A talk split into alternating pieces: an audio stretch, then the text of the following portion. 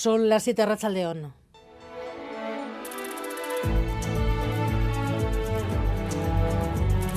Gambara con Arancha García.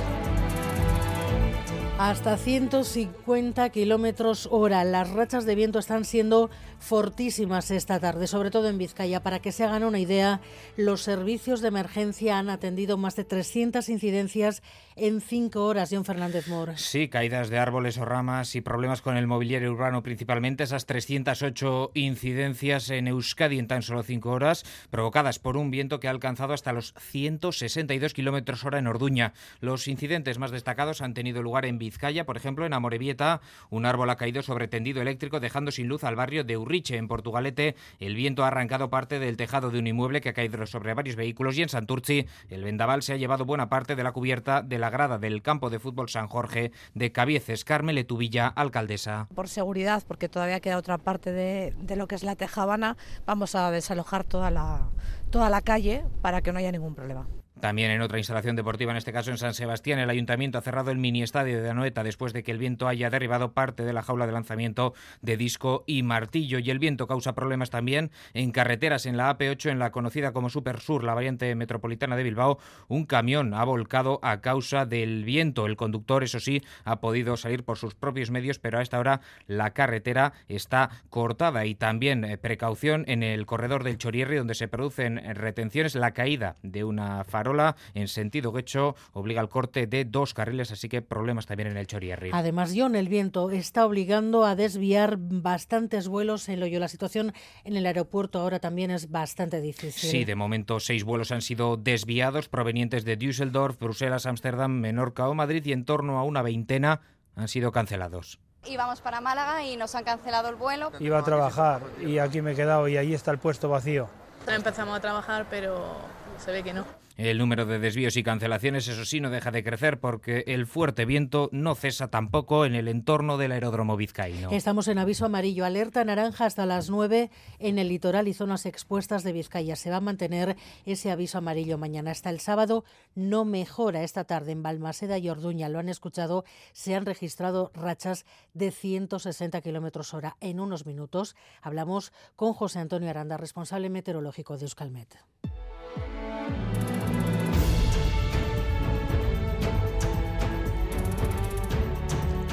La Fiscalía ha puesto a disposición del juzgado de menores al mayor de los hijos detenidos en Castro acusados de matar a su madre anoche. Solicita además su internamiento en régimen cerrado durante seis meses. Ha trascendido muy poco de la investigación. Nadie se explica qué ha podido pasar. Gary Suárez, Arrachaldeón. Arrachaldeón Arancha. Has hablado con vecinos, con conocidos. Nadie se explica lo que, lo que pudo pasar. No, los habitantes de Castro de hecho están hoy en shock. Eh, la noticia ha pillado por sorpresa a todos en esta tranquila localidad por cómo ha sucedido todo, pero la sorpresa es aún mayor entre la gente que conocía a Silvia, la fallecida, una persona muy religiosa, catequista aquí en Castro, con una familia que se dejaba ver mucho en misa. Ángel es sacristán de la parroquia del Sagrado Corazón. Por seguridad, porque todavía queda otra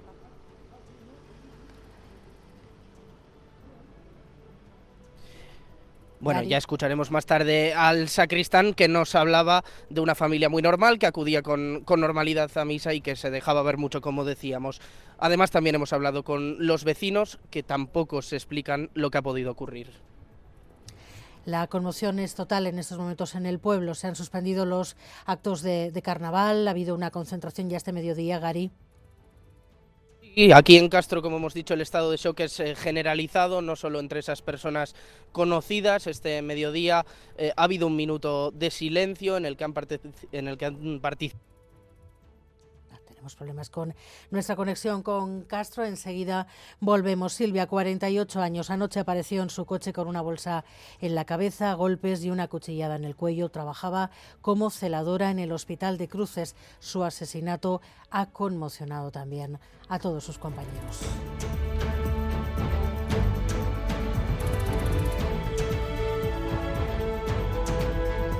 La ley de transición energética tiene ya el ok del Parlamento, una de las leyes nucleares de la legislatura, la ley que va a definir además cómo se va a transitar hacia las renovables. Sale avalada por más del 80% de la Cámara tras el acuerdo entre los partidos del Gobierno y Euskal Herria Bildu. Ambizioa bai, baino errealismo ikuspegitikan. Ospakizunerako eguna izan daitekela Euskadin. Zorioneko gaudela, azkenik klima eta energia lege on bat onartuko dugulako. Una respuesta contundente para impulsar una transición energética realmente transformadora. Constituirán a partir de hoy el mínimo común denominador de la transición. Que ha cumplido con su objetivo tras un proceso de escucha, de contraste, no sin dificultades, pero siempre con un ánimo constructivo. Reconociendo, cómo no, que no todas las demandas han quedado satisfechas, pero con la tranquilidad de haber hecho un trabajo honesto. Los ganaderos eh, a la vez se han manifestado esta mañana frente al Parlamento para mostrar su discrepancia con esa ley. Ya van más de tres días, tres días de protestas en Álava, también en Navarra y de nuevo con la misión de colapsar Pamplona con más de momentos de tensión, incluido un escrache a la presidenta Chivite cuando llevaba a sus hijos a la escuela. Las tractoradas han vuelto a bloquear carreteras en todo el estado. Van ya una veintena de detenidos en estos tres días de protesta. Mañana los tractores llegarán a Bilbao.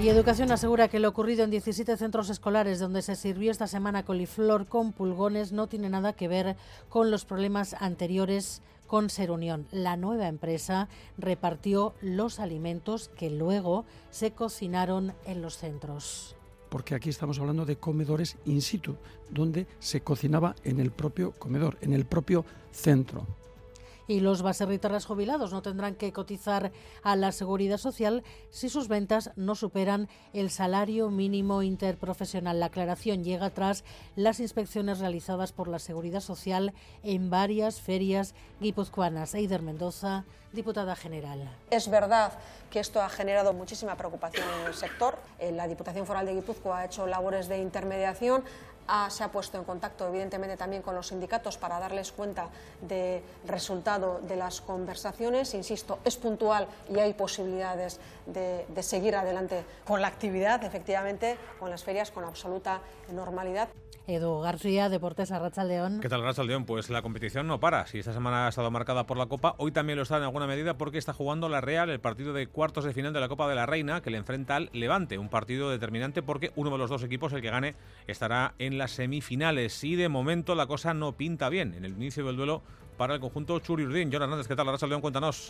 León, Edu, así es porque Natasha Andonova, la delantera del Levante, en el eh, minuto 7 de partido se adelantan eh, las locales. Lo dicho, de momento malas noticias en Levante. 1 a 0, eso sí, decirte, Edu, que Natalia Arroyo ha introducido tres cambios en el 11 titular eh, para hoy respecto al 11 que alineó en el derby de Ipurúa. El 11 se compone de la siguiente manera: el NLT en portería, Cecilia, Tejada, Vanegas y Bernabé en defensa, Aparicio, Andreya y Nereiz Aguirre en el centro del campo y Jensen, Amayur y Franci como jugadoras más adelantadas. Lo dicho, no ha comenzado bien el partido. Minuto 8 de la primera parte, gana el Levante por un gol a cero. Hoy fútbol y también baloncesto. A las ocho y media tenemos cita en el Pues Arena con la Euroliga. Antes del parón que va a tomarse la competición continental, Vasconia se enfrenta al colista, a Asbel, pero ya avisó ayer Dusko Ivanovic que es un equipo muy potente. Decía el montenegrino, el partido más complicado que va a jugar hasta ahora Vasconia. A las ocho y media, la cita para que el equipo Gas Estarra asume una nueva victoria que le mantenga entre los 10 mejores de la competición.